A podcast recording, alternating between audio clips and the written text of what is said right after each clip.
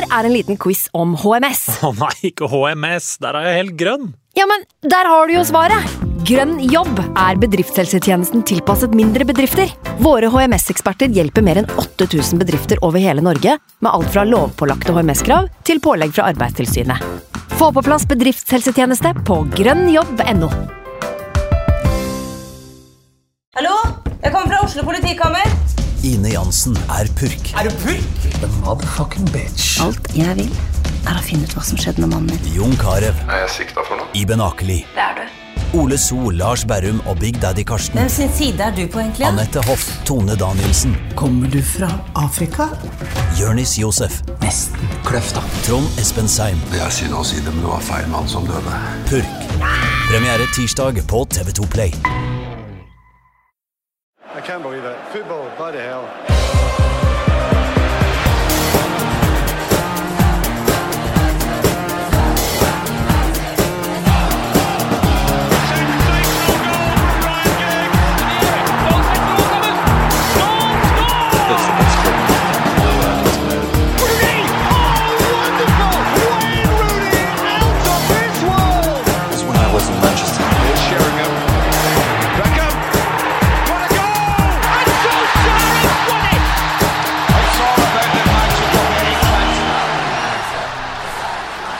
Velkommen skal du være til podkasten for alle som følger Englands mest ustabile fotballklubb, Manchester United Football Club. Velkommen til TV-produsent Andreas Hedemann. Deilig å være her igjen. Ja, nå er det litt for lenge siden du har vært her. Ja, det er det. En hel måned. En hel måned siden. Eh, Komiker Sebastian Brunstad, velkommen til deg også. Tusen hjertelig, tusen hjertelig. Vi må jo begynne med West Bromwich-kampen, vi. Ja. de må nesten det. ja, det var helt for jævlig dårlig, det. Ja, det var det. Er det, er det den kjedeligste kampen med fotball som noen gang har blitt spilt? Ja, det tror jeg kanskje. Hvis, altså, hvis ikke jeg hadde vært uh, Manchester United-supporter, så tror jeg ikke jeg hadde klart å se hele kampen. Ja, men Ja, det tror jeg kanskje ikke. Se for deg at du er amerikaner, og så er du sånn usikker på hva soccer Hva er det er for noe. Og så skal du, skal du se din første fotballkamp, og så er det den. Åh, ja. Det er jo eneste, som, eh, eneste positive ved den kampen, er jo det som er negativt for oss, nemlig at underdogen vant. Det tipper jeg amerikanerne kan sette pris på. Ja, det er sant. Jeg klarte ikke å sette så veldig mye pris på det. Nei, det var Uniteds eh, svakeste kamp på Old Trafford under Mourinho. Ja, det var det. Um, nesten den svakeste totalt. Uh, jeg snakka litt med Sebastian om det. Vi, um, er jo, vi chatter jo alltid er underveis i kampen. Så uh, det er vel bare Huddersfield borte som var svakere Mm. uh, enn denne kampen. Ja. Nei, det var null energi, null sluttprodukt, null vilje. Rett og slett null United. Null det som har gjort at vi er glad i den klubben. Det var bare, som jeg sa innledningsvis, jævlig dårlig, rett og slett. Ja, så var det vel også en fullt fortjent seier til West Brom, var det ikke? Eller altså sånn, ikke om fullt fortjent, det var i hvert fall sånn, det var ikke det var ingen som kunne si noe på at de tok de tre poengene heller. Det var ikke et ran, nei. Nei, nei, altså ikke i det hele tatt. Men, men så hva, det som skjer her, må jo være at vi kommer, altså United kommer tilbake. Tar City i liksom en, altså ekstreme omstendigheter. Det er full jubel, du er kongen av verden, og så får du en sånn utladning som bare stuper deg i bakken. da. Det er ikke det samme med West Brom som det er borte mot City, på en eller annen måte. Ja, tror du det har litt med det å gjøre, at, det, at eh, det ikke føltes viktig nok, eh, ikke var skum, eller som ikke var stor nok kamp for United-spillerne? Ja, altså, Ja. Mourinho sa det jo rett etter matchen. Han sa uh, at han merka en holdningsendring i spillergruppa allerede før matchen. Uh, som var en sånn 'vi er best i verden', uh, dette blir null stress.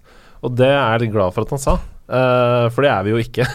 Eh, Den City-kampen var bra, men jeg tror nok det var en del av spillerne som tok litt for mye av, og undervurderte West Bromwich til den kampen. Og han sa det også, vi prøvde på for vanskelige ting, for kompliserte ting, istedenfor bare å spille simple football, som han sa. Mm. Um, det, det stresser, men det som stresser meg mest med det, er liksom at ja, greit, du får en sånn utladning, det skjer i Premier League, og du går fra en storseier og kommer hjem og taper, eller kommer tilbake og taper så du synger. Mm. Men det som skjer her, er at du merker at her er det ingenting, og så klarer man allikevel ikke å piske det opp. Man gjør noen bytter, og det skjer ingenting. Det er helt flatline hele kampen, og, og hva sa han i pausen da? Nei, nei. Mm. Og det er ingen som går foran. da Det er ingen som tar det ansvaret og, og drar opp laget fra den gjørma vi er i i den kampen. Og det, altså Ustabilitet, sa du innledningsvis, og det er jo Uniteds mar, eh, varke, varke, Verke. merkevare under Mourinho. Uh, han har jo sagt det selv, vi er for ustabile, og enkeltspillerne er ustabile. Og det har ikke noe med alder å gjøre. Jeg har møtt 30-åringer som leverer Mm. dårligere enn 24-åringer. Ikke sant?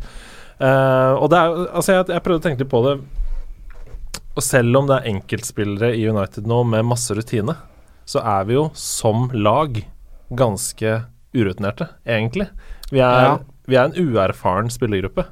Så jeg tenkte bare sånn Men nå, nå har det gått to sesonger. Uh, nå, må det, nå er vi ferdig med det.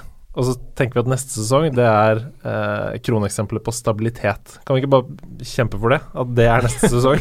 Vi kan godt ta den kampen, vi, Ja, ja. kjempe for det. Eh, Det er jo overraskende for meg at det har blitt sånn, fordi det eneste jeg egentlig krevde av José Mourinho, som jeg kanskje også trodde kanskje Eller var det eneste vi kom til å få av han, var stabilitet. Ja. At det kommer til å være jevne, litt kjedelige seire. Uh, at det var liksom um, kanskje de ta, kom til å tape 1-0 mot City, uh, og så spiller de 0-0 mot de lagene de er jevngode med, og så slår de de lagene som de skal slå som West Brom 1-0 eller 2-1 eller sånn. Ikke sant? Det er jo det man på en måte tenkte at det kom til å bli. Og så er det blitt det helt motsatte. Altså Det går jo fra himmel til helvete i løpet av fire dager med det laget nå plutselig. Ja, altså, men det viser seg jo at når man ser på spillergruppa til United United kan spille angrepsfotball, angrepsfotball men da må det være prioriteten å spille angrepsfotball. Du ser det mot City. Prøver å ligge stabil, prøver å gjøre den Mourinho-greia. Har ikke nubbesjans, blir knust. De finner svake ledd med én eneste gang, som da i det tilfellet var Smalling. Banker inn mål, og så er det Det ser helt ferdig ut. Og så har han ikke noe valg. Han er nødt til å angripe, han er nødt til å skåre tre mål. Og så kommer det et lag som bare glinser i andre omgang. Ja. Og i den kampen der så var det vel egentlig ikke Mourinho som gikk foran. Det var Young. Det var eh, i garderoben der. Det Ja. var Hvem andre var det? Herrera, eller noe Herrera, sånt? ja. Mm. Som sto opp og sa Nå må vi faen meg skjerpe oss, gutter. Og mana opp til kamp. Mourinho trakk seg rolig tilbake og lot spillerne bestemme sjøl, egentlig, i den situasjonen der, sånn som jeg har forstått det. da. Ja. Eh, og det var det ingenting av i West Bromwich-kampen. Det var ingen av spillerne som brydde seg i det hele tatt. Det var ingen som brydde seg om å spille fotball. De tenkte bare What's for dinner? What's for dinner? Ja, altså Daily Blind har knyttet nevene hardt og beristet, men han kom på at nei, faen, jeg skal ikke spille uansett eh, noen gang igjen, så, så det Paul. Pogba så jo ut som at han gikk en tur i parken. var helt det var eh, helt forferdelig å se på. Og Martial kom på uh, med en halvtime igjen, sto stille og venta på ballen. Ja. Og ble selvfølgelig intercepted tusen ganger pga. det, at han sto og venta på ballen, og var superirritert og frustrert på det. Hva?! Ja. Du må jo bevege deg, mann! Ja. Hva er det du holder på med? ja, det er veldig rart. Altså Hvis du hadde tatt den kampen og brukt matta som en green screen, og lagt på Torshovparken på det, så hadde ingen reagert. Det hadde sett ut som folk som gikk tur i Torshovparken. jeg? Hvorfor er Manchester United i Torshovparken? Pogba går og lukter på blomstene som en sånn oksen Ferdinand. Ja, men For å bli ferdig med den kampen, så må vi jo gjennom det vi alltid må gjennom, nemlig kåre de tre beste United-spillerne fra 1-0-tapet hjemme mot eh, bunnlaget West Bromwich. Dette er en spøk. Eh, Eh, tre beste spillerne. Jeg, jeg kan godt begynne. Ja. Ehm, det- fordi hele kampen var jo bare en enorm pose med dritt, Mm. eh, bortsett fra De Hea sin Ja. feberredning på Livermore sitt skudd innledningsvis. Og det var jo virkelig en feberredning. Nå er, vi har jo snakka om det før, her, at vi er bortskjemt med De Hea nå. Det er blitt vår standard, og det er det, men vi må fortsatt sette pris på det. Så Ja. jeg syns De Hea fortjener tre poeng, og så syns jeg ingen fortjener noen poeng på noen andre plasser. Jeg tror kanskje du skal få lov å gi det eh, denne gangen, For det å gi de andre poengene der vil jo være Hvis jeg, hvis jeg må gi ett poeng, ja, har du lyst til å gi bare ett så poeng? har jeg lyst til å gi det til Lingard, som faktisk kommer inn og prøver å tilføre et eller annet. Uh, skyter utafor på slutten her, Ja. men har en eller annen energi da som ingen andre hadde på jobb den dagen. Ja. Uh, vi har alle hatt en dårlig dag på jobb, men at elleve har det på likt, det er veldig synd. Ja. Eh, så ja, Lingard ett poeng, og så tre til DHA, og så ingen på to. Ja, men det, vet du hva, det, det, er, det er litt carte blanche på den kampen der, så det skal du få lov til. Tre poeng til De Hea fordi han hadde en eh, helt ellevill redning. Ett poeng til Lingard fordi han skjøt utafor på slutten. Det Jo, jo men, men, men jeg er enig. Altså ingen Jeg har ikke lyst til å gi noen trepoengere. Den, har- den har jeg lyst til å ta. Ja. Jeg har lyst til å gi to til De Gea fordi han er De Gea. Trekke han ett poeng denne gangen fordi han slapp inn mål. Man er nødt til å trekke den mannen en eller annen gang i dette programmet. Ja. Han kan ikke få tre poeng hver gang. Hvor mange poeng har han nå? Nei, han, han, han har flest poeng. Hadde du lagd, det laget som et kakediagram, så hadde det vært en tjukk fyr som sitter og spiser hele kaka der. Altså. Jeg tror at eh, Hvor mange kamper har han spilt i år? Hvis du bare ganger det med tre, så tror jeg du har antall poeng. Så å si. Ja, så jeg vil gi to til DG og så én til Lingard, ja, for jeg syns han kommer inn og prøver. Ja. Ok, da går vi videre til noe som jo var uh, i hvert fall langt hyggeligere, nemlig kampen mot Bournemouth. La oss begynne med laget. Det var jo ikke et uh, sedvanlig, en sedvanlig Mourinho-elver som gikk ut på der. Det var en audition, dette her. Ja. Det er rett og slett Han uh, Mourinho har staged en audition. Han sier uh, ok, gutter, dere er spillere i Manchester United nå. Det er det ikke sikkert dere er neste år. Her er teamsheeten på de folka som jeg akkurat nå er skeptiske til. Ja, Bortsett fra deg, DGA. Du Ja. er en god gutt. Så er det bare å stelle seg på merket, og så tar vi det derfra. Ok, hva har du valgt å synge? Uh, labbe rundt og ikke gjøre en dritt, eller uh, innsats? Og jeg syns, de, jeg syns han fikk en respons. Og det er det som jeg syns er gøy med det. Det er gøy å se et helt nytt komponert lag fordi vi har jo dekning på mange posisjoner. Det er spillere dette her som burde brukes, burde roteres og burde få en sjanse. Så jeg, jeg syns at det var veldig positiv lagoppstilling. Jeg ble veldig spent og tenkte dette blir en fet match. Fordi det blir en sånn exhibition på hva har vi egentlig å rutte med. Ja, og så er det gøy det, det, Flere av de spillerne som spilte der, eh, Darmian f.eks., er jo spillere du ser i preseason og ikke noe ellers. Så det var litt gøy Ja. å se de igjen, liksom.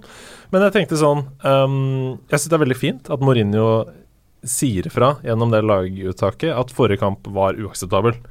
Det, sånn har vi blitt vant til å ha det under Ferguson, og jeg liker at han også er på samme måten.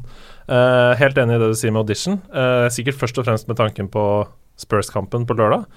Eh, og da syns jeg det er veldig fint at Pogba Martial starter, etter de begredelige ryktene som har gått og intensivert seg denne uka her, eh, med Pogba til Real og Mm. Martial til Juventus. Så det er bra at de får starte, og bra at de liksom har tillit. Um, Herrera inne i en veldig god periode om dagen, syns jeg, Ja. eh, etter at han kom tilbake fra skaden. Uh, han hadde jo en utrolig dårlig sesongstart i Ja. år. Eh, han har løfta seg veldig etter det. Han, vi ser nå konturene av det han var for oss i fjor. Og hvis han fortsetter med det, så blir han veldig viktig sammen med Matic neste sesong i det tospannet der. Fordi Pogba skal aldri spille i det tospannet igjen. Nei. Eh, Han kan så- spille hvis det er et slags trespann, så kan han være en tredjeperson Vi der. spiller 4-3-3, så kan Ja. han spille der. Vi spiller 4-2-3-1, så skal han ett ledd fram på Ja. banen. Hvis det er spann, så syns jeg vi skal holde oss unna. Det er spann generelt. Så ja, eh, mye fint fra den kampen, altså. Eh, Ja. mm. Eh, det var vel Mourinho sa vel også at uttaket var eh, halvveis uh, benking av spillere som ikke hadde levert. Og halvveis um, spillere som ikke har spilt så veldig mye som skulle vise seg fram. Så det var jo en slags audition, men også en straff da til de, noen av de som ikke var på banen. Jo, men da, altså, det syns jeg også er litt sånn faller litt urimelig å si, fordi Pogba der Om det var noen som skulle straffes etter den Ja. Bromwich-matchen, så er det vel han. Ja. Og han spiller fra start her. Ja. Så jeg syns det blir litt sånn tvetydig Altså Det er vel litt mer for å se er han klar for å spille mot Tottenham da Mm. i FA Cup-finalen. Han blir tatt av som et tydelig signal. Bra jobba i dag, Pogba. Du, Ja. nå Men jeg tror han, han var på audition-delen, tror jeg. Ja, ja, Faktisk Han måtte ha en audition Ja. han, for å vise at han skulle spille mot Spurs. Mens Men når Sanchez er- for eksempel da, var på straffdelen. Ja, Eh, straffdelen helt tydelig at han Eller hva, vi er jo ikke inne i hodet til Mourinho, kan hende han bare hvilte han til Tottenham. Det vi vet ikke. Jo, men han var jo veldig inne på Det var jo én ting han snakka mer om enn noe annet, og det var det derre at de spill, har spilt for komplisert. Eh, det er for mye tråkling, småspill, eh, ve forsøk på veggspill og hælspark og sånn. Og det er jo Alexis Sanchez som står for det. Mm. Uh, I hvert fall til stor del. da I hvert fall var det det mot uh, West Brom. Ja, han er jo mann Ja, Pogba også, men, men Sanchez er jo på en måte playmakeren til United. Eller han har Ja tatt, tatt, tatt den rollen litt selv, så når han får ballen, så prøver han hele tiden å gjøre ting ganske vanskelig. Han er definisjonen på vanskelig. Ja, Han- han veldig komplisert jo- spillestil. Men det er jo sånn som han og Kevin De Bruyne, da, vi har jo snakka om det før, òg, de har uh, flest balltap av alle Ja. i Premier League. Og det er jo fordi de prøver på vanskelige ting hele tiden. Ja. Uh, det trenger ikke å bety at du er en dårlig fotballspiller. Som Nei. mange har sagt sånn Å, se, han hadde mest balltap noensinne. Ja, Kevin De Bruyne har hver kamp mest balltap på banen. Ja. Så det er på en måte ikke, det er ikke noe statistikk. Nei, jeg er enig. Det er ikke noe å være tellende, iallfall. Og så får du jo et mål, Manchester United, eh, i en periode eh, hvor jeg satt og tenkte sånn Hvordan i alle dager skal de skåre? Mm. Fordi det så ikke ut som de hadde noen sånn kjempegod plan, egentlig. Helt fram til uh, Lingard og Herrera plutselig, og litt Pogba. Jeg tror jeg leste et eller annet sted at 75% av alle mål som skåres i fotball, er enten produkt av en enkelt individuell prestasjon eller en tabbe. En Ja. enkelt tabbe Ja, ja. i motstanderlaget. Og dette var jo eh, Altså, den pasningen som Herrera spiller gjennom Lingard med der Nå er det jo Lingard som setter opp hele angrepet, men men den pasningen er genial. Ja. Akkurat som brystpasningen hans var eh, Ja. mot City. Ja. Så det, de to tingene der beviser hvorfor vi må holde på Herrera, da, tenker jeg. Mm. Eh, vi trenger den ene individuelle sparken som gjør at det plutselig blir mål, i en periode hvor du sier 'hvordan skal vi score'? Mm. Men, Eh, men hvem kommer rusende Hvem kommer rusende på, på, på Eller hvem kommer på innløpet der? Hvem avslutter angrepet? Hvilken naturlige målskårer? Mike Smalling. Selveste Chris Smalling. Den Altså- nye Cantona, som jeg kaller det. For en ellevill skåringsform han er i om dagen. Det er nesten komisk. Nei, jeg, altså, jeg, jeg snakka jeg snakka med Han har skåret tre bortekamper på rad eller noe sånt. Ja. Ja, han har det. Ja. Tre, tre kamper på rad. Ja. Jeg, jeg snakka med Sebastian om dette her underveis i kampen i går, for han vet hvor mye jeg misliker Smalling. Så han driver og erter meg med sånn Smalling banens beste? Som en cattle prod, det der. Eh, så jeg, jeg sier at vi må ikke la oss blende av disse målene som han holder på med nå. Det er kjempefint at han er der og at han er i posisjon, men han er ikke god nok for Manchester United. Han har store defensive hull, som jeg sa til deg, på linje med Lovren. Ja. Jeg, jeg syns det er så ille, noen av de tingene han gjør. I går Nei, eh, jeg så at mange skrøt av han etter kampen i går, men eh, flere situasjoner så måtte Jones rydde opp Ja. for Smalling i går. Jones spilte en stor og uh, rister på hodet og sånn, Jones. Ja, han han syns det er helt utrolig slitsomt å spille med Smalling. Tydelig. Ja. Så eh, han kan være back backup i stallen. Han er en veldig fin backup. Han kan spille eh, mot Huddersfield borte. Men, men det er vanskelig. Men, men han er ikke førstevalg. Bailly, Lindelöf, Jones er bedre enn ja, Smalling. Det er klart tungt for Jones når stoppemakeren din er hengende spiss. Eh, også, det er jo klart, da, da, må du, da, da, må du, da må du løpe. Men spørsmålet er bruker Mourinho Smalling feil. Eh, er Smalling egentlig en Ja. spiss à la Giroud? en som skal ligge oppe og liksom ruge opp Tenker du Tor Hogne Aarøy-typen? Ja, det kan Aarøy. Han er mer target man. Altså. At han burde flyttes fram etter hvert. Og ta en, rett og slett, uh, ta en omvendt Ronny Johnsen. uh, og gå fra å være midtstopper til å bli Ja. spiss. En omvendt Ronny Johnsen. Ja, det er ikke så dumt. det. Det hørtes, det hørtes litt sånn suspekt ut. Ehm, av andre ting som eh, skjer i denne kampen, så eh, er det jo viser jo Paul Pogba seg fram mye mer enn han har gjort, eh, i hvert fall mot West Brom. Egentlig også mot City, for da hadde han jo 20 gode minutter eller noe sånt. Mm. Jeg synes jo I den kampen her så syns jeg han gjør ting litt enklere. Han spiller litt mer i lengderetning. Han er um, Eller tar litt mer ansvar, da, Mm. har jeg følelsen av. Og så ender han jo opp med å gjøre det letteste han kan gjøre, spille ballen fram til Lukaku som uh, vipper den greit over keeper. Og det 2-0-målet tror jeg vi trengte, for jeg tror også denne kampen kunne blitt 1-1 hvis ikke vi hadde Mm. avgjort det der. Ja, for det, det, det målet syns jeg Det er også litt sånn power-mål som jeg liker. Ja. Fordi du ser liksom at her her krummer nakken Pogba og Mm. setter av gårde. Det gjør alltid Lukaku. Lukaku er 100% hele tiden. Men det Pogba fjuler på det der og Mm. tenker fuck it, rett og slett. Nå skal vi bare gønne. Og han køler på, kommer seg gjennom og spiller den, og så får vi en nydelig liten løft inn Ja. i kassa der. Og det var et sånn digg mål. Det er sånn nå putter vi denne kampen her to bed, Ja. og så er vi ferdig med det. Og så får man den litt sånn godfølelsen inn mot uh, Tottenham. Så det var viktig, tror jeg. Å holde nullen er alltid viktig, men at det også ble 2-0. At det ikke ble sånn knepent 1-0. Ja. For det var noen De skulle bl.a. hatt en soleklar straffe der, og Ja. mye Mm. forskjellig. Som hadde blitt mål eh, Ja. hvis ikke Luke Shaw hadde tatt hoftegrep på Ja. Callum Wilson der. Ja, Eh, så- den var, eh, den var litt sånn smådrøy. Nå har jo United vært litt heldige med det der i det siste, faktisk. Så det er jo alltid litt fint. Kommer sikkert til å komme og slå oss i trynet mot Spurs, f.eks. For, for det kommer alltid tilbake igjen, de der dommeravgjørelsene. Men det var vel en Ashley Young der som hadde Så jeg så det ikke, jeg så ikke så nøye, men det var vel en Ashley Young som var noe ufin der. Ja, da, det var, ja. var mye ufint uh, her og der. Men, men eh, jo, det 2-0-målet, og det var så deilig, for det var så typisk Mourinho-mål også. Begynner uh, helt bakerst, og så går det bam, bam, bam, bam, bam fram, og så er det mål. Ja. Uh, og det, nå ser vi jo da hva som skjer når Pogba har dagen i en sånn 4-3-3. det da er det liksom fram, og han har fri rolle, og han vil på. Og kommunikasjonen med, med Lukaku er jo fantastisk. Eh, Ja. og Det er jo helt tydelig. Lukaku kommuniserer tydelig hvor han vil ha ballen. Ja, han viser til med armen. Ja, han viser med armen. Ja.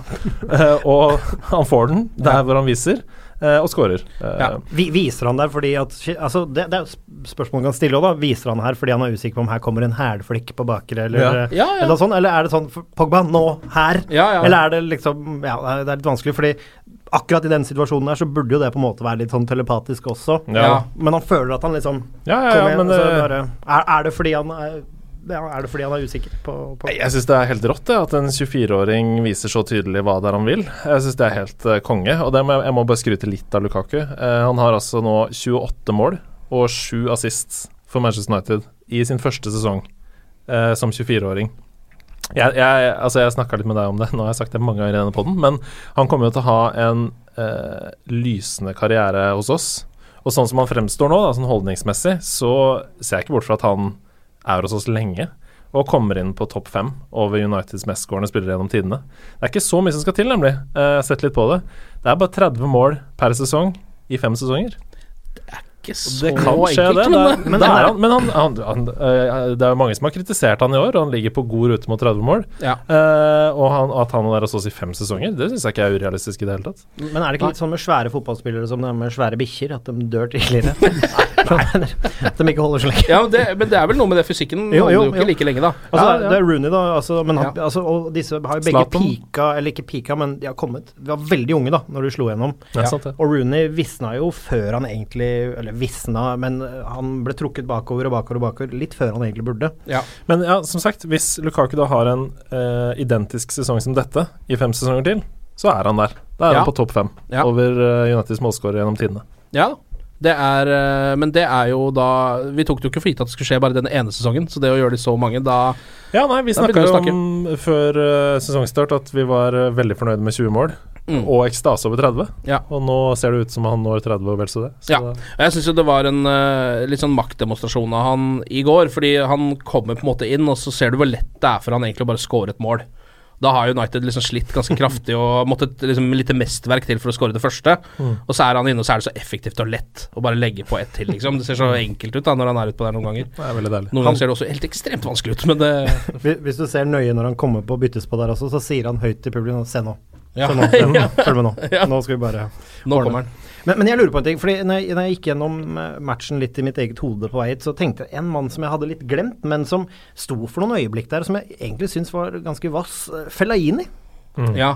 Husker du det hælvendinga hans? Ja, ja, det er nettopp altså, For det er sånne ting. Så det er sånn altså, Det er så bra at man ler av det. Jeg lurer på hvordan han har reagert hvis han skjønte vi satt her og lo uh, når han fikk til noe sånt. ja, så- men, det, det, ja, men det er tre meter, er tre meter Messi, uh, som han noen ganger bare blir, da. Jeg så det i karakterskalaen til United ennå etter kampen, så uh, hadde han fått en rolig sekser. Og så sto det um, Hva var det stod? Uh, Lukaku trodde han var Messi innledningsvis, før han skjønte at han var Lukaku. Altså Fellaini. Nei, Fellaini, Fellaini. ja. Fellaini trodde han var eh, Messi, før han innså at han var Marwan Fellaini. Ja. Det er godt, eh, god setning på, på han. Ja, men jeg er enig, Han var ikke så halvgæren Fellaini i den kampen. Eh, blir jo, man blir jo alltid litt redd når man ser at han er i lagoppstillinga. Ja, Det eneste som irriterte meg, var jo at det, det vi har hørt om Marwan Fellaini de siste tre-fire sesongene, er jo at han er verdens beste til å dempe på brystet. Mm. Det er det eneste vi har hørt år, år etter år. Men der er han god. Men han var ikke så god på det i går. Nei, han Han prøvde å dempe, oss, gikk utover kortlinja, og så hadde han ikke kontroll på sida der. Og, så, og det var litt sånn Nei! Har du mista det ene du kan? Og så var det en gang i første omgang hvor han faktisk altså gikk i offside med håret. Og det var litt, det var litt irriterende, fordi eh, der hadde han ikke vært i offside hvis han ikke hadde hatt det voldsomme håret. Det er helt sant. Når du, Ja, ser, når du ser linja der, så er det Ja. én afro i offside. Ja, afroen er i offside, uh, og det er jo fordi det er jo umulig å vite hvor hodet begynner, og det er jo på en måte den delen du skal score med, som kan være i offside. Det var offside. Ja, det var, det var offside. Så hvis han hadde kløpt seg, så hadde han jo vært i mindre offside. Da. Det hadde Kanskje, han- eller i hvert fall Hvis han kan ha afro bak, hvis han bare lager sånn Ja. firkanta sånn rett av Ja, foran, ja, ja. så kanskje Tenk det deg den manbunnen han kunne fått til. da. Oh, det er Manbun 2.0, det, vil jeg- det vil jeg absolutt se. Og så kom jo Daily Blint inn. Åh, Hei, Daily. For et, for et innhold. Nei, men Daily, er du Hei, så hyggelig å se deg igjen. Oi, der bomma du på ballen, gitt. Men det stakkars, han har jo ikke spilt altså. Han har ikke rørt til fotball, virker det som. Nei, han har jo ikke det, men han, han har jo vært på disse treningene, han også. Ja, ja, Ja, men du skal se han i biljard nå. Nå blir ting jævlig god i biljard. Ja, fordi det, det der da bomma på ballen, det, det er altså så flaut uh, å se på. For det er en mann som jo har et ganske bra venstrebein. Det vet vi jo, Ja, på en måte. ja, og det, jeg har vært svak for dere blind siden han kom. Han er en versatil fotballspiller som kan brukes i mange roller. Ja. Uh, jeg har likt han best når han har vært en slags Carrick på midten, som har dratt ned tempo og slått uh, gode, solide pasninger. Um, men uh, han er nok ferdig, ja. Ja. Uh, og det er nok allerede til sommeren. Ja, Var det the last hurra vi fikk se når han Ja. ble klappa på der, ja? Ja, det kan faktisk hende. Eh, jeg tror, altså, det var jo rart å se han utpå der, og det, Ja, det sier jo litt om hvor lite han har spilt. Ja. Når han i tillegg leverer den prestasjonen, så tror jeg ikke vi får se han på en stund. Men eh, jeg syns Vi snakka om det her. Jeg syns også det var rart å se Young i første kampen Ja. denne sesongen. Ja, ja. Det var også sånn Oi, har vi han fortsatt? Ja, det stemmer det. Ja. Og så har han bare vært definerende for hele vår sesong. Det er Ja. helt uh, Kan Deli Blind komme tilbake? Nei, han kan ikke det. Jeg tror ikke det. Det må være ekstra kjipt når du er liksom sånn Han kan spille på eh, ti av elleve plasser, og han får ikke spille på noen der. Men hvis, hvis man kikker på Det er liksom med Ashley Young også samme greia. At liksom, å nei, er det Ashley Young vi skal ty til? Og så stepper han opp gamet sitt. Og spørsmålet er Altså Hvis han er like god neste sesong, så er det jo altså, vi, altså, Jo, vi trenger ny venstreback. Jeg, jeg, jeg er enig i det. jeg er enig i det Men han skal få konkurranse, han nye, hvis, uh, hvis Young holder eh, formen. Ja, ja men det, det tror jeg også, faktisk. Det, altså, jeg bare uh, tenker jo at når det er Ashley Young som er konkurransen, så burde jo Luke Shaw selv i den situasjonen han har havna i, vært på en måte førstevalg på venstreback. Mm. Hvis du skjønner, så, og det er han jo absolutt ikke. Så Young har jo holdt et visst nivå, altså han har ikke det. Men, Hva men Shaw er vel også ferdig, er han ikke det? Jo, Hva tenker vi om Luke Shaw i går? En helt decent kamp, var det ikke det? Jo, helt greit. Streit sekser på han òg, er det ikke det? ja, det ikke, Han spiller ikke med vel så voldsom selvtillit. Det er veldig mye han gjør som eh, går bakover og til siden. Og det, han er liksom Da han kom til United i starten, så husker jeg at han så ofte han kunne, så satt han jo på den voldsomme sprinterfarta si ned mot linja og prøvde å få ballen inn i feltet. Det gjør han jo nesten ikke lenger. Tør han liksom ikke å gjøre, ser det ut som. Det som er problemet til United nå på venstrebekken, er at vi har to Ben Davies-typer. Altså Vi har to venstrebekker som kan skape noe offensivt, Young og Shaw. Ja. Og så har vi ingen som er trygge defensivt. Nei. Vi har ingen Danny Rose. Eh, vi har bare to Ben Davies. Ja. Og det er jo litt uh, synd, uh, fordi man trenger, man trenger det offensive venstrebekken i noen kampbilder. Mm. Men hvis Si f.eks. vi møter Liverpool, da, som har en så god høyrekant, så må vi ha en bedre venstreback enn det vi har nå. Men husker du hva som skjedde da akkurat dette skjedde? Det er akkurat da det. kledde Ashley Young Sal av Salah så Han putta den i lomma. Har, har, du, har, du sett hver gang. altså, men, altså, denne sesongen har du sett hvor store lommer Ashley Young har, eller? Han har mange spillere i lomma denne sesongen. Han. Ja, og så har han jo også eh, FA, eller dommerkomiteen i lomma, tror jeg. For han har fått altså så mye avgjørelser Ja, med seg denne sesongen. Det er helt fantastisk. Alderspoeng heter det, og det nei, jeg syns jeg er helt innafor. Hvis det funker i samordna opptak, så funker det for oss òg. Helt greit. Men, men Um, vi, altså, det er viktig å understreke at ja, vi trenger en Danny Rose-type i laget. Det må bare under ingen omstendigheter bli Danny Rose. Nei, helt enig. Eh, det vil jeg bare si. Fuck Danny Rose, ass. Han orker jeg ikke. De tre beste United-spillerne i denne kampen da bør være litt enklere. Sebastian kan begynne denne gangen, syns jeg. Oh, oi, oi, oi. Eh, skal jeg begynne denne her, ja. Um, Hvis ikke, så kan jeg begynne. Det, Jeg må gi Jeg gir Åh, den er vanskelig, skjønner du. For det var mye bytter og mye rart. Men jeg tror ett poeng går til Lukaku. Ja. Eh, fordi han kommer inn, scorer, og sånn skal det gjøres. Så er det to poeng til eh, Pogba. Ja. Jeg syns han eh, vi, viser, og for en sånn Og i hvert fall under det harde skyts, eller ja, som han har vært presset, så stepper han opp. Tre poeng står for meg mellom, faktisk mellom Herrera og Jailings, Ja. eh, faktisk. Eh, og hold deg fast, Hedman. Smalling. Vet du hva? Jeg lurer på om jeg gir Smalling to, jeg. Jeg gir faktisk ett poeng til uh, Lukaku. Jeg glemte Smalling. To poeng til eh, Chris Smalling og tre poeng til Pogba. ja. Andreas? ja, nei, jeg har ett poeng til Pogba her. Uh, god oppreisning etter det grusomme innsatsen mot West Brom. Uh, driver laget fremover hele kampen. Veldig fint. To poeng til Herrera. Eh, jeg syns han er stor og viktig. Eh, jeg vet ikke om det var fordi Bournemouth var dritt på midten, eller om det var fordi Herrera var god, men han fikk lov til å skinne, i hvert fall. Ja, Han tok også masse ansvar. Han la seg dypt i starten der, når United trengte en eh, slags dyp playmaker. Og så var han jo også, viste han kreativiteten sin og det pasningslegginga. Han var jo på en måte en Vi så jo på han som en ganske komplett spiller da han kom til United. Han både var ballspiller, ok teknisk og en bikkje. Ja, ja. Og nå i de, siste kampene har han jo vært akkurat det. Og vi snakker om han som en helt soleklar fremtidig kaptein etc. Ja. Uh, så hvis han kan komme tilbake dit, så er det kjempefint. Tre poeng. Uh, Phil Jones for meg. Feilfri kamp. Ja da. Uh, rydder opp uh, kollegers feil, som jeg har skrevet her. Uh, Smalling var, for å være helt ærlig, Smalling var god i kampen i går. Han var god, men Phil Jones var bedre. Ja. og han går 100% all in i alle situasjoner. Men nå, det som jeg syns er fint nå, til motsetning fra tidligere, er at han har kontroll i de situasjonene hvor han går all in. Han var helt umulig rett og slett å møte i går, som mange Ja. spiller. Altså, jeg, jeg synes Jones Altså, Jones var fantastisk, men han gjør, han gjør den tyngste defensive jobben, og han skal gjøre den der fordi Smalling har fått beskjed om at han, han skal være med mer opp. Han skal være mer spillende der. Jonesy skal Det pleier jo å være litt omvendt, egentlig, med de to, men eh, fordi Smalling er i skåringsform. Og Smalling er jo der oppe. ikke sant? Det er et angrep som ligger og dytter, og han kommer og skaper uh, overtall og er på det løpet. I tillegg til at jeg syns ikke Ja, han hadde noen sånne småfeil, men han hadde Jones bak seg. Og han visste det. Han ble satt under press. De prøver å angripe han. Jones er der og rydder opp. Jeg syns de harmonerte godt, og i tillegg til at Smalling skårer så man kunne kanskje ha hatt en Jones der på poengtavla også, men jeg syns, jeg syns nesten Smalling var banens nest, altså nesten banens beste. Og det, vet du hva, det er helt fair. Eh, og jeg, jeg kunne også ha kåra Smalling til banens beste. Han får mye plusspoeng i boka for å score eh, og for å ligge der, men for meg så eh, er ikke det en midtstoppers oppgave. Eh, for meg så er det først og fremst defensive kvaliteter jeg ser etter en midtstopper, og jeg syns ikke han er god nok bakover. Nei. Phil Jones jo, hadde jo en av sine beste kamper uh, i går også. Han uh, har jo en egen evne til å um, blir løpt fra, for så å ta igjen løpet uh, ved hjelp av uh, ansiktsuttrykk, ser det ut som. Han, han vrenger fjeset sitt, og så kaster han hele kroppen framover, og så, ja. en eller annen så klarer han da å få nok kraft bak det, til å ta igjen selv den raskeste spiller. Ja, det, handler, det er aerodynamikk det der. Ikke sant? Han, har et veldig, han har veldig lite akselerasjon, og det er fordi han har et veldig uaerodynamisk fjes. Ja. Det er liksom veldig sånn stort, mye luftmotstand. Ja. Så, Så vrenger han ja, inn. han åpner liksom luften og får spoiler bak, Ja. og så får han liksom press i fotsålene, og så er det inn. Ja. Og det er, det er, jeg syns det er veldig imponerende. Det er litt sånn haren og skilpaddene der. Altså, det er mye harer på Bournemouth sitt lag, Ja.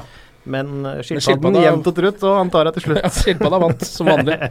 Uh, vi må jo også ta tak i noe av det som flest United-sportere snakker om, da, om for tida, og det er jo det du var innom tidligere. Det er rykter rundt uh, Martial, har vi vært innom tidligere. Det kan vi legge litt bort nå, for det har kommet noe som kanskje er liksom enda litt sånn føles enda litt skumlere.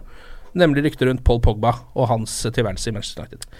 Ja, han er jo nå som, altså Nå begynner vi å nærme oss sommeren. Da Mm. skal det skrives om at de største stjernene ønsker seg vekk. Ja. Eh, nå er vi omtrent tre dager før vi leser på forsiden i de fleste aviser at Cristiano Ronaldo ønsker seg til United igjen. Ja, Eh, ja det gleder jeg meg til. Det er ja, eller ønsker seg høyere lønn, da, som det også kalles. Mm. Men eh, ja, nå, nå, det er jo med rette at det spekuleres. Det har vært en traurig sesong for eh, Paul Pogba. Han har ikke levert, det må vi være enig i. Hvis, hvis, altså, hvis jeg skulle gitt totalkarakteren en nå, for 1 til 10, så ville jeg gitt han 5. Ja. Eh, og det er ikke nok for en av verdens største stjerner. Han vet det, Mourinho vet det, fansen vet det. Men så har han jo disse glimtene hvor han er oppe i 9-10-sjiktet, hvor han virkelig gønner på. Vi vet hva som bor i han. Han er ung, og vi har nettopp kjøpt ham. Eh, så jeg vil si at det er ekstremt grusomt om han forsvinner nå i sommer. Om han går. Han kommer til å briljere hvor enn han går. Det blir spennende å se i VM nå. Eh, Hvordan han gjør det. Men å selge Pogba nå, det er en fallitterklæring for Ja, meg. Altså. akkurat til å si fallitterklæring, for det er så riktig ord på det. Uh, og jeg syns det er uh, Jeg syns det er tøft å se Hvor har det blitt av liksom Hvis du ser de første fem kampene til Paul Pogba denne sesongen, så ser han ut som en gud. Altså Ja. Han ser ut som han skal eie Old Trafford hele sesongen. Ja. Uh, vi skal vinne 4-0 i hver kamp. Han er arkitekten bak alt. Han er strålende. Og så ble han skada, og så kommer han tilbake, og så sliter han. Um, Kasper Vikstad var inne på det her tidligere i poden, om at det store spørsmålstegnet og faresignalet ved Paul Pogba er evnen til å tilpasse seg arbeidsoppgaver. Uh, det er jo helt tydelig at han ikke evner å spille sammen med Matic i en toer, f.eks. defensivt. Mm. Uh, og om det er fordi han ikke vil, eller fordi han ikke får det til, det vet vi ikke. Um, men jeg syns det er synd at vi uh, lever i en fotballvirkelighet hvor minste motstand fører til at du plutselig ønsker deg vekk. Ja, uh, hvis det hadde Men tror du han ønsker seg vekk? altså, da, da, da du så at han Da han gikk av banen i går, så var det å si takk for kampen til Rui Farah, til andre assistenttreneren. Null kommunikasjon med Mourinho, og i utgangspunktet rett i garderoben. Ja, Så ble han dratt opp derfra igjen. Sånn, Og så åpna han døra, og så stoppa han og tenkte fuck, jeg kan ikke gå rett i garderoben. Det er et eller annet signal jeg sender da. Og så snudde han, så gikk han tilbake og satte seg på benken. Ja. Eh, og satt der resten av kampen. Ja. Um, nå tolker jeg selvfølgelig veldig mye, men jeg tror ikke det forholdet er verdens beste forhold per dags dato, Mourinho og Pogba. Det syns jeg er veldig synd, og jeg syns hovedansvaret for det ligger hos Paul Pogba. Ja. Ja, jeg, jeg er enig i det, men samtidig så syns jeg Pogba Altså Det er mye ræl med Pogba, mye fame. Han kommer til United, blir en enda større stjerne enn det han var. Det er mye fame, det er mye visvas utenomsportslig med den fyren. Men hvis man legger det helt bort, da. Ja, han må tilpasse seg nye arbeidsoppgaver. Han kommer til en klubb eh, hvor, hvor det er sånn, sånn en manager som krever det og det av deg. Og Absolutt så skal du jobbe med det, men når du ser at det ikke fungerer altså Det er en grunn til det. altså Det er ikke sånn at du kan kjøpe Du kan ikke kjøpe en spiss og si du, nå er du stopper, og du må tilpasse de arbeidsoppgavene. Det som er poenget, at vi kjøper en av I øyeblikket vi kjøper han, en av verdens aller beste midtbanespillere i sin posisjon, som gjør det han gjør. Så krever vi at han gjør noe annet, men skal fortsette å levere framover. Ikke sant? Og det, jeg, sy syns det er urimelig. Altså Ikke sånn at han ikke noen ganger også må kunne gjøre det, og absolutt egenskaper han må jobbe seg opp med. Men når Mourinho ser at det ikke funker, så syns jeg det nesten er litt dårlig gjort til tider i dette tospannet med Matic. da Han ser at ah, det, det krangler. Men i 4-3-3 så er det noe helt annet. Er, er, ikke sant? Og da må man, man må se at det er en balanse der også. Pogba, Jeg tror ikke Pogba er så uprofesjonell, og det var jo også Kasper inne på forrige gang, med at dette er gjennomproffe folk. De De trener i ett kjør. Det er livet deres å trene, spise riktig og levere på en fotballbane. eh, I bånn, og det er det for Pogba De også. rører ikke alkohol. Altså, det er liksom Ja, eh, Så ja, jeg er helt enig i dette. Så, så, uh, så Mourinho også må ta litt selvkritikk og se her har jeg verdens, en av verdens aller beste midtbanespillere. Hvorfor leverer han ikke? Fy på deg, Pogba, for det du gjør feil, og fy på meg Mm. for at jeg ikke bruker deg riktig, eller finner den riktige altså dynamikken mellom det offensive genet du har, Mm. og det defensive genet du mangler litt grann. Mm. Det er klart delt skyld her, eh, mellom to alfahanner, dessverre. eh, som står og river i hver sin retning, eh, og det har vi sett før. David Beckham, sir Alex Ferguson, har gått dårlig, eh, sånn i, in the long run. Ja. Eh, Ferguson solgte Pogba i sin tid. Det var det en grunn til. Ehm, og det kan, kan hende at Mourinho ikke over Nei, at Pogba ikke overlever Mourinho. Uh, sånn som det ser ut nå, så har Mourinho full støtte fra styret.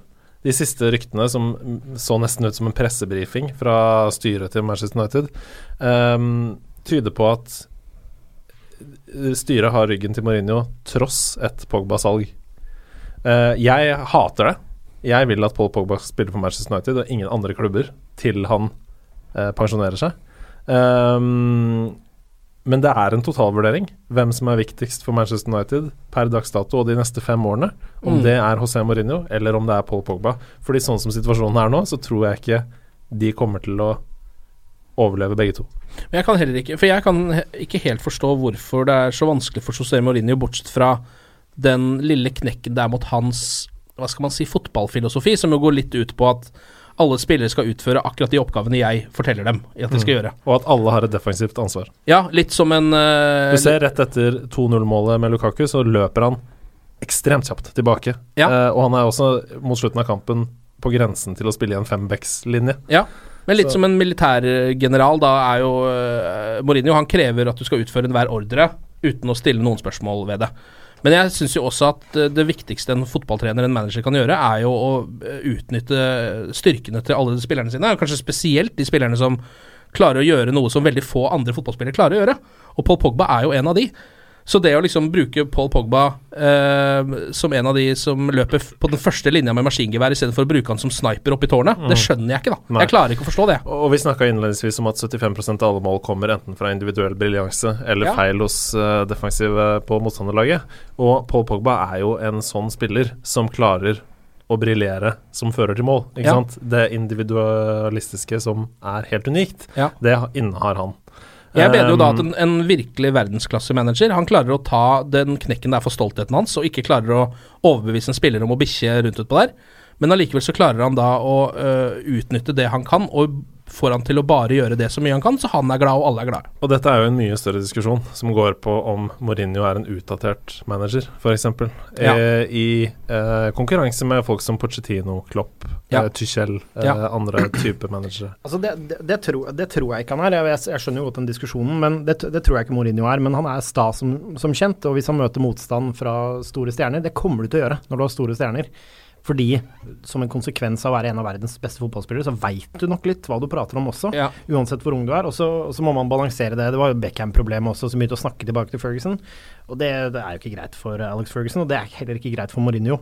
Men jeg tror ikke Mourinho er utdatert. Altså Hvis man ser på, ser på tabellen, vi ligger på en andreplass, og det er store lag og managere som er under oss. Pochettino, eh, Klopp. Selv om man har en sånn liten følelse av både Pochettino og Klopp at det er på vei mot noe Ja, det det, bedre. Ja. Men det har Tottenham vært lenge nå. Ja. Eh, Tottenham har vært eh, på vei mot noe bedre Liverpool lenge. også har vært på vei mot noe bedre ganske lenge. Ja, ja, ikke sant. Og, og Liverpool er jo nå et bedre sted, men det er United også. Mm. Altså Når du ser på poengfangsten, når du ser på det som Mourinho, som eh, når jeg var utegående reporter for dere også, når vi røyka den Champions League-greia, så er det klart Det er litt det samme som jeg føler på nå. Det har vært noen skjær i sjøen. Det er litt sånn urytmisk og udynamisk til tider, men det er mye bedre. Ja. Altså, altså, Fra Ferguson gikk Vi har aldri vært bedre enn det vi er nå. Og for å ha det på det reine, altså jeg stiller meg 100% bak José Mourinho. Jeg tror per dags dato at han er den klart beste manageren Manchester United kan ha. Han har eh, blandingen av ekstrem erfaring eh, og ikke sant, man management, syns jeg, da. Så, Mm. så jeg uh, gjør det. Jeg ville bare legge det på bordet som en diskusjons... Ja, men, men la oss bare ta den der med en gang, da. Uh, hvis dere skal velge mellom da manager og Paul Pogba, José Mourinho eller Paul Pogba. Du må velge mellom en av de. En må ut. Det er alfahanner som står og stanger mot hverandre. En må avlives. Hvem En, en, altså da, akkurat sånn som det står nå, og ut ifra hvordan ting har vært Nå har det vært stjerner inn og ut, og vi har prøvd mye siden Fergie slutta. Så Akk enn hvor mye det smerter meg, så må jeg si at da blir vi nødt til å gi Pogba sprøyte, altså. Ja. Fordi Vi kan ikke begynne på nytt igjen nå. Nei, det er det. Ja. Og hvem skulle vi fått inn da? Vi får ikke Pep uansett. Eh, og Porcetino får vi vel mest sannsynlig heller ikke. Klopp er det bare å glemme. Mm. Og så få inn liksom Roman Abramovic nå, eller uh, Chelsea-eieren, ja. Ja, nei, eh, ikke Roman Abramovic. Hva heter Det er så mye vitser borte Ja, der. Du vet hva vi mener. Gi meg, gi meg Chelsea-manager. Å ja, eh, Conte. Nei, nei, nei. nei, nei. Han får. Eller han uh, Vitchen. Ikke hva det Har du hatt en vitsetrender? Ja, nå står det stille for meg er ikke Carlo Ancelotti du tenker på? Jo, det er det jeg kan tenke på. Det var ikke Vitch, det var Lotti. Men eh, jo, jeg blander ofte Vitch og Lotti.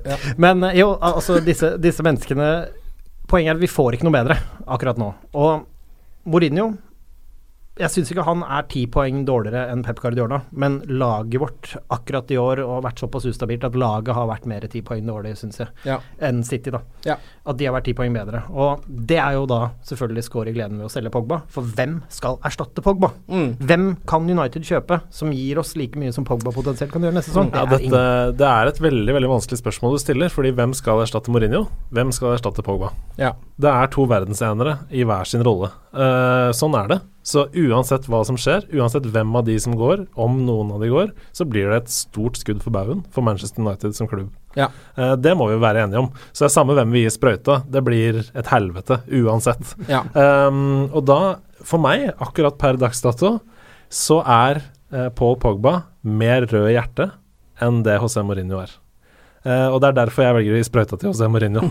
Um, selv om jeg, som sagt, jeg stiller meg 100 bak han, og uh, han er min Manchester United-manager, men Paul Pogba er en eh, av ja, kanskje ti spillere vi har sett gjennom fotballhistorien.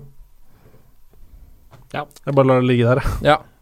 Ja, nei, den er, eh, den er eh, Og jeg tror, hvis jeg skal si hva jeg tror Jeg tror at med alt sponsoratet, alt viraken rundt Pogba, hva det kostet å få han inn, jeg tror det er en dypere plan. De er litt på skeiva nå. Jeg tror dette er litt mind games fra Mourinho, som han ofte prøver. Prøvde med Shaw, ikke sant. Mind games, mind games, mind games. Får en kjempeprestasjon ut av Shaw. Skryter han opp i skyene. Han daler igjen, og så gir han faen i deg. Og da hører du ikke så veldig mye mer om Shaw. Nei. Ikke sant? Men nå er det masse preik om Pogba. Prate, prate, prate. Og så får han litt dritt. Han sier ikke så mye om det. Så det, gjør en god kamp.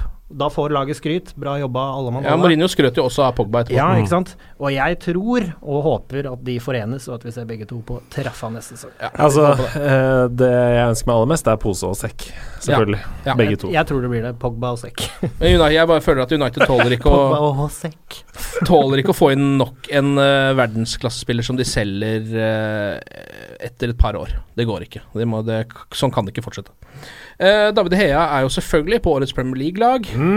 Som eneste Manchester United-spiller. Lå i kortene. Det er vel helt greit. Det er vel ingen andre United-spillere som kunne hevda seg på det laget, tror jeg. Jeg har sett det laget, og det Nei, er det, ganske altså. sterkt. Det, ikke, det er ikke mulig å komme inn der. Men, men de har vinner sannsynligvis da gullhansken i år. Ja. Uh, The Golden Glove. Uh, og det er faktisk første gang i karrieren What? eh, at han vinner The Golden Glove, for det er jo for flest clean sheets. Og han har jo kanskje ikke hatt verdens beste forsvar foran seg eh, de siste årene. Og har det fortsatt ikke, og allikevel. Ja. Eh, og det er jo det er ingen bedre keeper i verden. Og Nei. da er det selvfølgelig heller ingen bedre keeper i Premier League. Eh, så det er helt greit, det. Men han har enda ikke signert ny kontrakt, og la meg bare si, det begynner å stresse meg.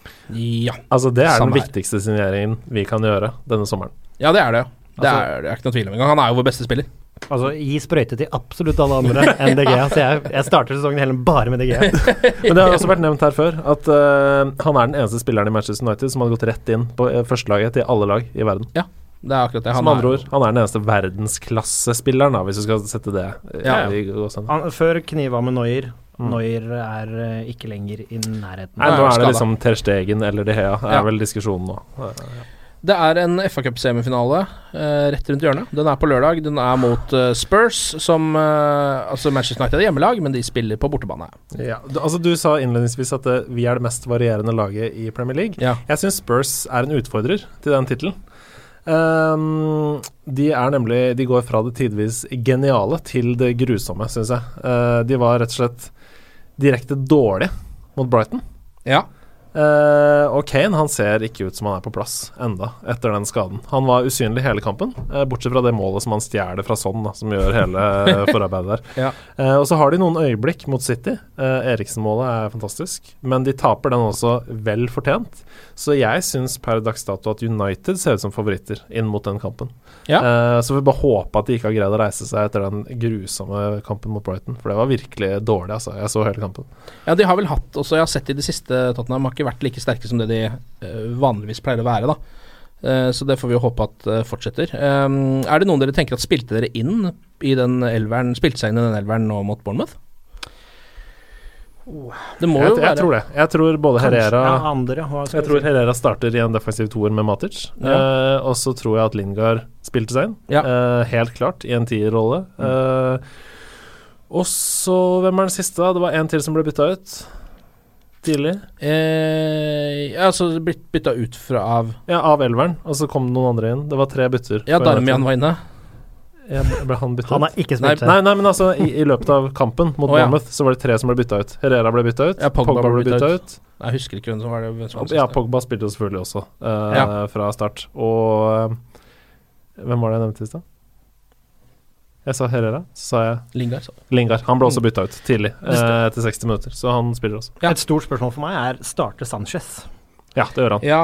Han Gjør- starter, gjør han? ja, det tror jeg. Han starter på venstre. Uh, ja. Ja. Både Martial og Rashford blir nok benka. Um, vi, jeg syns også vi må snakke om hvor viktig en sånn Altså Nå er det FA Cup semi, og så vil jo da, hvis de går videre, følge en finale, også den på Wembley. Hvor viktig er det for uh, klubben, og ikke minst kanskje for José Mourinho som manager, og hva han kan slå i bordet med av meritter, å vinne den FA-cupen?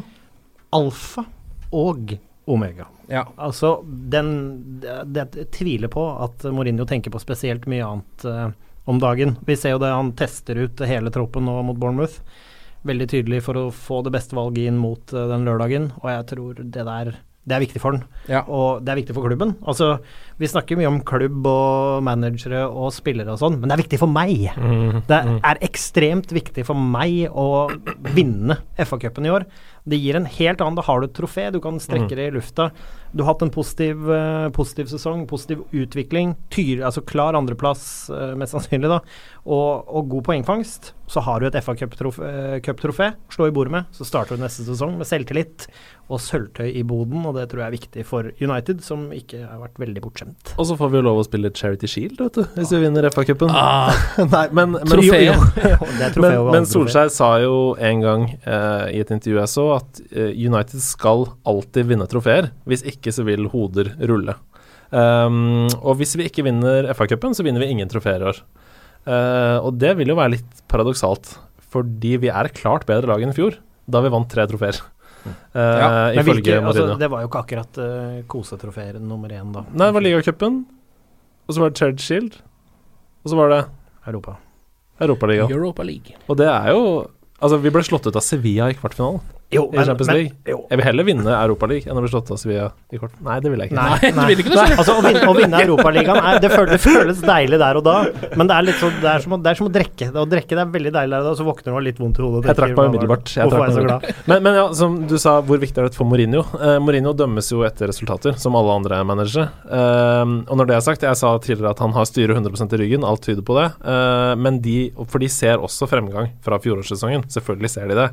Men så klart, et trofé det skader jo ikke. Eh, det viktigste av alt nå, for meg personlig, hvis vi er inne på meg, er uansett at Liverpool ikke skal vinne Champions League. Ja. Så det Vil er du det heller viktigste. Altså, ok, her kommer det et litt sånn filosofisk eksperiment. Vil du A.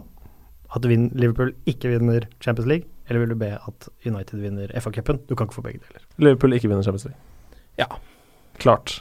Helt klart. Hvor raus skal du være her? Altså, det, Altså, ja, men e egen lykke er eh, bra, men andres ulykke er heller ikke å forakte. altså, Schadenfreude skal man ikke undervurdere. jeg, jeg orker ikke å leve med hvor mye jeg kommer til å høre det hvis Liverpool vinner Champions League. Nei, er, da er- kommer er de til å kåre seg selv til det beste laget, fotballaget, gjennom tidene. De kommer til å si det. Kommer til å si Salah er verdens beste fotballspiller gjennom tidene. Se hva Klopp har fått til. Han er den beste manageren gjennom tidene. Vi har vunnet Champions League. Denne elveren her er definisjonen på fotball. Sånn skal fotball spilles. Sånn kommer vi til å høre år etter år etter år. Jeg orker ikke! Nei, det går ikke! Ja, men de er allerede høye på seg sjøl borti, borti Mercy. Mercyside eh, der. Nei, så- det jeg orker ikke jeg heller, altså, det der. Men, men, men FA-cupen, altså Mickey Mouse-cupen gjelder ikke. Uh, altså Leo-cupen. Det Ja. mener jeg. Det er ikke en altså Det kalles the trouble for en grunn. Og det er fordi at det finnes tre trofeer. Vi har sjanse på ett av dem. Ja. Og å vinne ett av tre trofeer, da har vi tatt like mange trofeer i år som Manchester City.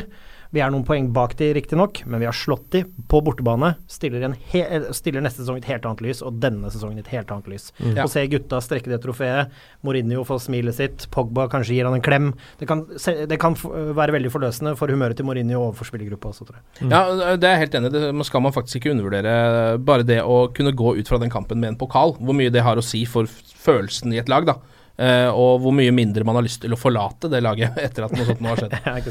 Eh, United We Podcast gis ut uh, i samarbeid med United.no og Uniteds skandinaviske supporterklubb, så gå inn på United.no. Um, der finner du alt du trenger av Manchester United-stoff. Det er egentlig den eneste nettsiden du trenger hvis du er keen på å lese om United. Ligger også en del bra videoinnhold og sånn der. Og så kan du selvfølgelig også melde deg inn i supporterklubben for å kunne dra over og se kamper. Det anbefaler jeg veldig. Jeg har vært medlem i mange år nå. Og ikke bare kan du dra over og se kamper, men bladet som kommer hjem i posten, det er god lesning, ass. Det Ja. ligger på sengebordet hver eneste kveld. Sengebordet. Sengebordet, hva er det det heter? Det heter Nattbordet. Nattbordet. Ja. Ikke sengebordet. sengebordet. det er montert faste i. Veldig rart bord, men, et meget rart bord. men eh, bra side. Veldig bra side. Veldig bra. Vi satser alt på en seier på Wembley. Eh, det er jo liksom eh, Uniteds ære som skal forsvares i en det, Nå blir jo det sesongens viktigste kamp, da. Så det er jo sånn det er. Vi er jo tilbake neste uke med mer podkast. Glory, glory.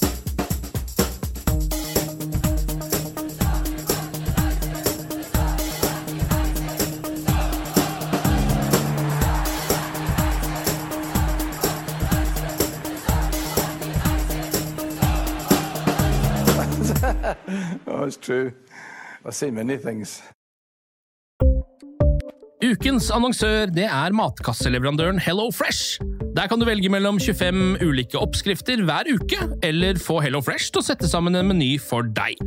Jeg sparer tid på å handle, oppskriftene er veldig enkle å lage, og så får jeg akkurat det jeg trenger da, til hver eneste rett, så jeg slipper å kaste så mye mat som jeg vanligvis gjør. Det er også litt deilig å faktisk slippe å gå på butikken, ikke bare fordi det er tidkrevende og sånn, men fordi man ender opp med å kjøpe så mye greier som man egentlig ikke trenger, sånn som fire poser eh, Smash og en kick med havsalt, eksempel. Det er ikke det du egentlig er der for, du er der for å kjøpe, kjøpe middag. Så det er en veldig eh, kjekk ting. I tillegg så er det jo eh, ferdigporsjonerte ingredienser, det blir mindre matsvinn, og du betaler bare for det du faktisk trenger, og det du faktisk da spiser. I tillegg så blir det da levert på døra til et eh, fastsatt tidspunkt, sånn at du kan få det akkurat når det passer for deg eh, sjæl. Hvis Hello Fresh høres ut som noe for deg, så har jeg en rabattkode du kan bruke også. Gå inn på hellofresh.no og bruk koden HelloUnited24.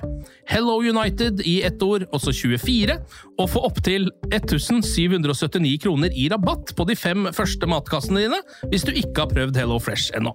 Du kan også bruke koden hvis du tidligere har vært kunde, men har stoppa abonnementet ditt for tolv måneder siden eller mer. Det er ingen bindingstid, og du kan pause eller avslutte abonnementet ditt akkurat når du selv måtte ønske.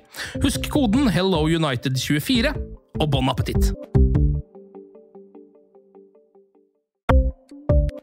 Ukens annonsør er Folio, en smartere banktjeneste for deg som har en egen bedrift eller ønsker å starte for deg selv.